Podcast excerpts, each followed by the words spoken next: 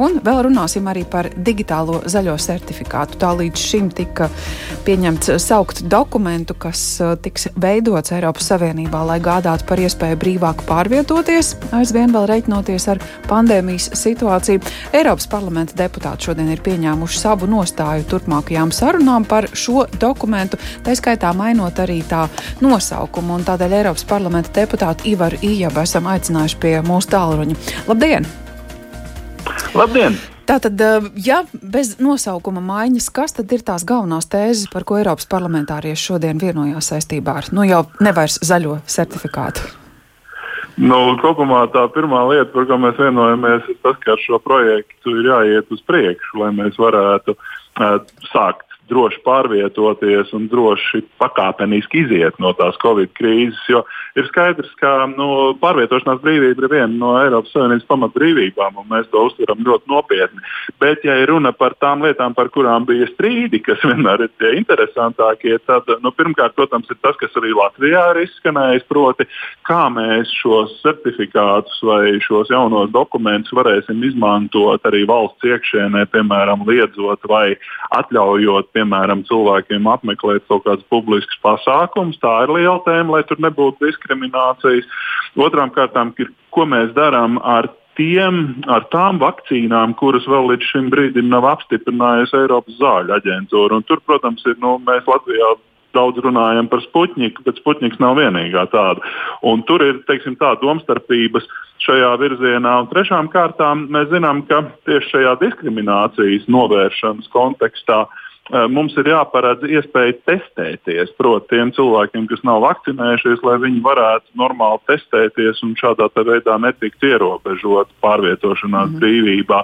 Bet jautājums ir, protams, par to, kas par tiem testiem maksās. Un parlaments grib, lai par tiem maksā nu, tieši tāpat kā par vakcīnām, lai par to maksā Eiropas Savienība vai arī Eiropas Savienības valstis. Nu, katrā ziņā tām katrai valstī būtu pienākums gādāt par vienlīdzīgu nu, kārtību. Jā, nu, katrā gadījumā tas nav cilvēkiem jāmaksā no savas kabatas. Jo šobrīd mm. jau tie testi ir, bet nu, viņi ir ļoti dārgi. Latvijā citu, viņi nemaz nav tik salīdzinoši dārgi. Bet man viens kolēģis no Somijas bija braucis, un viņam tests bija izmaksājis ne vairāk, ne mazāk kā 230 eiro.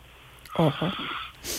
Jā, liela summa patiesi, lai, lai divreiz padomātu vai atstāt uh, savu valsti. Uh, un tik un tā par šo dokumentu runājot. Tiek norādīts, ka tas nedrīkst kalpot kā ceļošanas dokuments vai kļūt par tādu priekšnoteikumu, lai to izmantotu. Nu, taču tik un tā tas tiek saistīts ar uh, statusu, drīkst vai nedrīkst pārvietoties. Nu, ja tas nav tas ceļošanas dokuments, tad nu, kāda īsti tam jēga vai tā nezūd? Nē, nē, nu, eh, jau šobrīd mēs zinām, ka uh, tu nevari šķērsot robežas, ja tu neuzrādi negatīvu testu. Mm. Nu, šobrīd tas ir vienkārši savu veidu paplašinājums jau esošajai politikai, jo šobrīd tas tiek darīts uz ļoti mistisku, neviena nepārbaudītu un nepārbaudām dokumentu pamatu. Tagad būtu viens Eiropas standarts, kurā visas Eiropas valstis garantētu, ka tas tests vai tā vakcīna, kuras esmu saņēmis Latvijā, tiek atzīta kā derīga Spānijā, Francijā, Zviedrijā un tā tālāk. Citiem vārdiem sakot, tā ir runa par to, ka mēs vienkārši izveidojam vienu standārtu, pēc kura mēs tos testus vai vakcīnas atzīstam. Un tas ir ļoti mm. svarīgi, jo šobrīd Eiropā ir pilnīgs haoss pa šo līniju. Bet eh, nu, tas ir jautājums, protams, par to, kādā veidā jūs ceļojat. Runa, protams, ir par, par, par no avio satiksmi, kur ir tā svarīgākā, un tur tas notiek jau šobrīd. -hmm. Vēl tiek norādīts, ka šis būtu pagaidu dokuments. Tas ir tā optimistiski cerot, ka ar pandēmiju šogad izdosies tikt galā, vai kāds cits status te ir?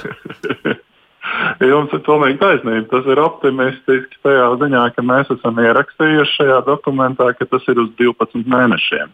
Un pēc 12 mēnešiem, attiecīgi, tas ir nākamā gada kaut kāds jūnijas, viņš vienkārši pārtrauc darboties.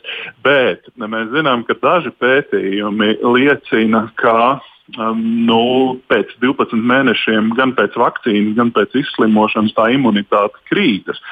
Tas nozīmē, ka mums būs varbūt vajadzīga revakcinācija. Un tas ir arī paredzēts šajā parlamenta pozīcijā, kas saka, ka e, komisija var pagarināt tā zaļā certifikāta darbību arī pāri tiem mēnešiem, bet pie noteiktiem nosacījumiem. Protams, nebūs tā, ka tas ir uz mūžīgiem laikiem nekādā gadījumā. Vai šajos nosacījumos būs paredzēts, ka arī par revakcināciju maksā nu, Eiropas Savienība vai valstis?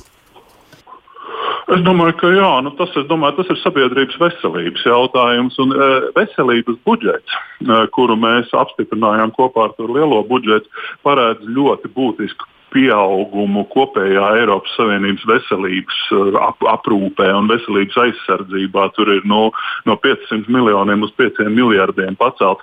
Tā kā ja tāda nepieciešamība būs, tad uh, es domāju, ka nauda nebūs problēma. Problēma būs tajā, ko mēs šobrīd pieredzam ar tām vakcīnām, ka Eiropas Savienība viņas pasūta vēlāk un ar lielāku birokrātisku mocīšanos nekā, piemēram, amerikāņi, briti vai izrēli, kuri šobrīd jau ir novakcinēti vakcinējuši ļoti lielu daļu savus iedzīvotāju. Mm -hmm. Eiropā mēs kopumā atpaliekam. Latvijā mēs arī neesam pirmās vietās uh, Eiropā, ne? bet Eiropa kopumā atpaliek. Tā ir tā lieta, par ko mums ir jādomā sakarā ar revakcināciju, ja tas būs vajadzīgs. Bet, nu, Dievs dod, nu var jau gadīties, ka tas nebūs. Bet nu, vispirms jātiek galā ar to pirmo soli, par kuru, starp citu, tieši arī tiek, tiek runāts, ka nu, varam veidot dažādas pārvietošanās certifikātus, taču vakcīna nav brīvi pieejama, nav valstīs pietiekami nodrošināta, un tas nozīmē, ka, piemēram, Briti uz Grieķiju atpūsties var braukt. Nu, patiesībā jau maijā sāks tā turisma sezona tādiem drosmīgākiem, bet uh, mēs iespējams vēl kādu brīdi nekur nevarēsim kustēties. Nu jā, nu tā, diemžēl, ir lieta, ko tu nevari atrisināt ar vienu politisku lēmumu mm. šobrīd vai parlamenta rezolūciju. Tieši tāpēc tas, protams, tika ielaists pagājušā gada nogalē. Uh, Eh, kad, eh, tad, kad Briti slēdza līgumus vai amerikāņi un Izraēla ar tām pašām astrām zenekām un Pfizeriem un visiem, viņi to darīja daudz ātrāk un es uzdrošinos jūs teikt arī daudz profesionālāk nekā Eiropas komisija. Man gribētos cerēt, ka Eiropas komisija no tā ir kaut ko mācījusies uz priekšdienām, bet jums ir pilnīgi taisnība. No, protams, ka tas pirmais solis, ka tās vakcīnas ir pieejamas visur un ka viņas, protams, ir pavelti, ka tam ir jābūt izpildītam, lai mēs varētu kādu kaut kur ierobežot vai kādu kaut kur nelaist. Ne? Mm -hmm. Nu, vēl, um, nebūt ne mazsvarīgs ir jautājums, kā tad ar to tehnisko risinājumu, vai par to jums ir izdevies arī iegūt kādu skaidrību, cik raiti tas virzās uz priekšu, zinot, ka, nu, piemēram, Francija jau savu moduli ir izveidojusi ar to pašu apturi Covid mobilo lietotni, šo informāciju ir salikusi kopā, vai tas ir kas tāds, kas darbosies visā Eiropā, kā mēs tam varēsim pieslēgties? Um, Tā ir taisnība tajā ziņā, ka dažas valstis iet uz priekšu. Igauniem ir arī aizgājuši uz savu uh, līdzīga aplikācija. Tas, ko saka mūsu pozīcija attiecībā uz šo Eiropas kopējo pieeju, ka viņām jābūt savstarpēji savietojamām. Respektīvi, tajā nozīmē, ka nu, tā franču vai igauņu aplikācija ir jābūt savienojamai ar to Eiropas kopējo kas, es domāju, ir saprotami. Nu, kas attiecās uz tiem IT risinājumiem, par tiem, protams, paralēli šobrīd arī strādā uh, komitejas dienesti. Uh, Eiropas komisijas dienesti. Jautājums ir, protams, par to, kā dalība valsts nāk vai nenāk pretī. Nu, Latvijas gadījumā jau pēc visas spriežot dati par to, kas ir vakcinēti vai kas ir testējušies, viņi jau tiek uzkrāti centralizēti tajā pašā e-veselībā vai citur. Bet tur ir viena problēma ar testiem. Ar testiem tā ir laika problēma. Proti, vakcīnu jau tu vari ierakstīt, un tad tev viņš parādās tajā sistēmā. Bet tests ir derīgs tikai noteikti stundu skaitu. Proti, tajā mirklī, kad tu viņu veic, viņam ir nekavējoties jāparādās, jo pretējā gadījumā tas ir bezjēdzīgi. Mm -hmm. Tā kā tie ir visi risinājumi, pie kuriem tiek strādāts paralēli. Protams, tas likumdošanas darbs jau notiek paralēli tajām tehniskajām izstrādēm. Nu jā, un vasara tikmēr tuvojas. Tik tā, paldies par šo stāstījumu. Eiropas parlamenta deputāts Ivars Ījaps pie pēcpusdienas programmas tālruņa savu nostāju likumdevēju sarunām šodien Eiropas parlamenta deputāti ir formulējuši, mudinot uh, tā dēvēto digitālo zaļo certifikātu turpmāk saukt par vakcinācijas certifikātu, lai nu kāds būtu nosaukums, process šobrīd virzās uz priekšu.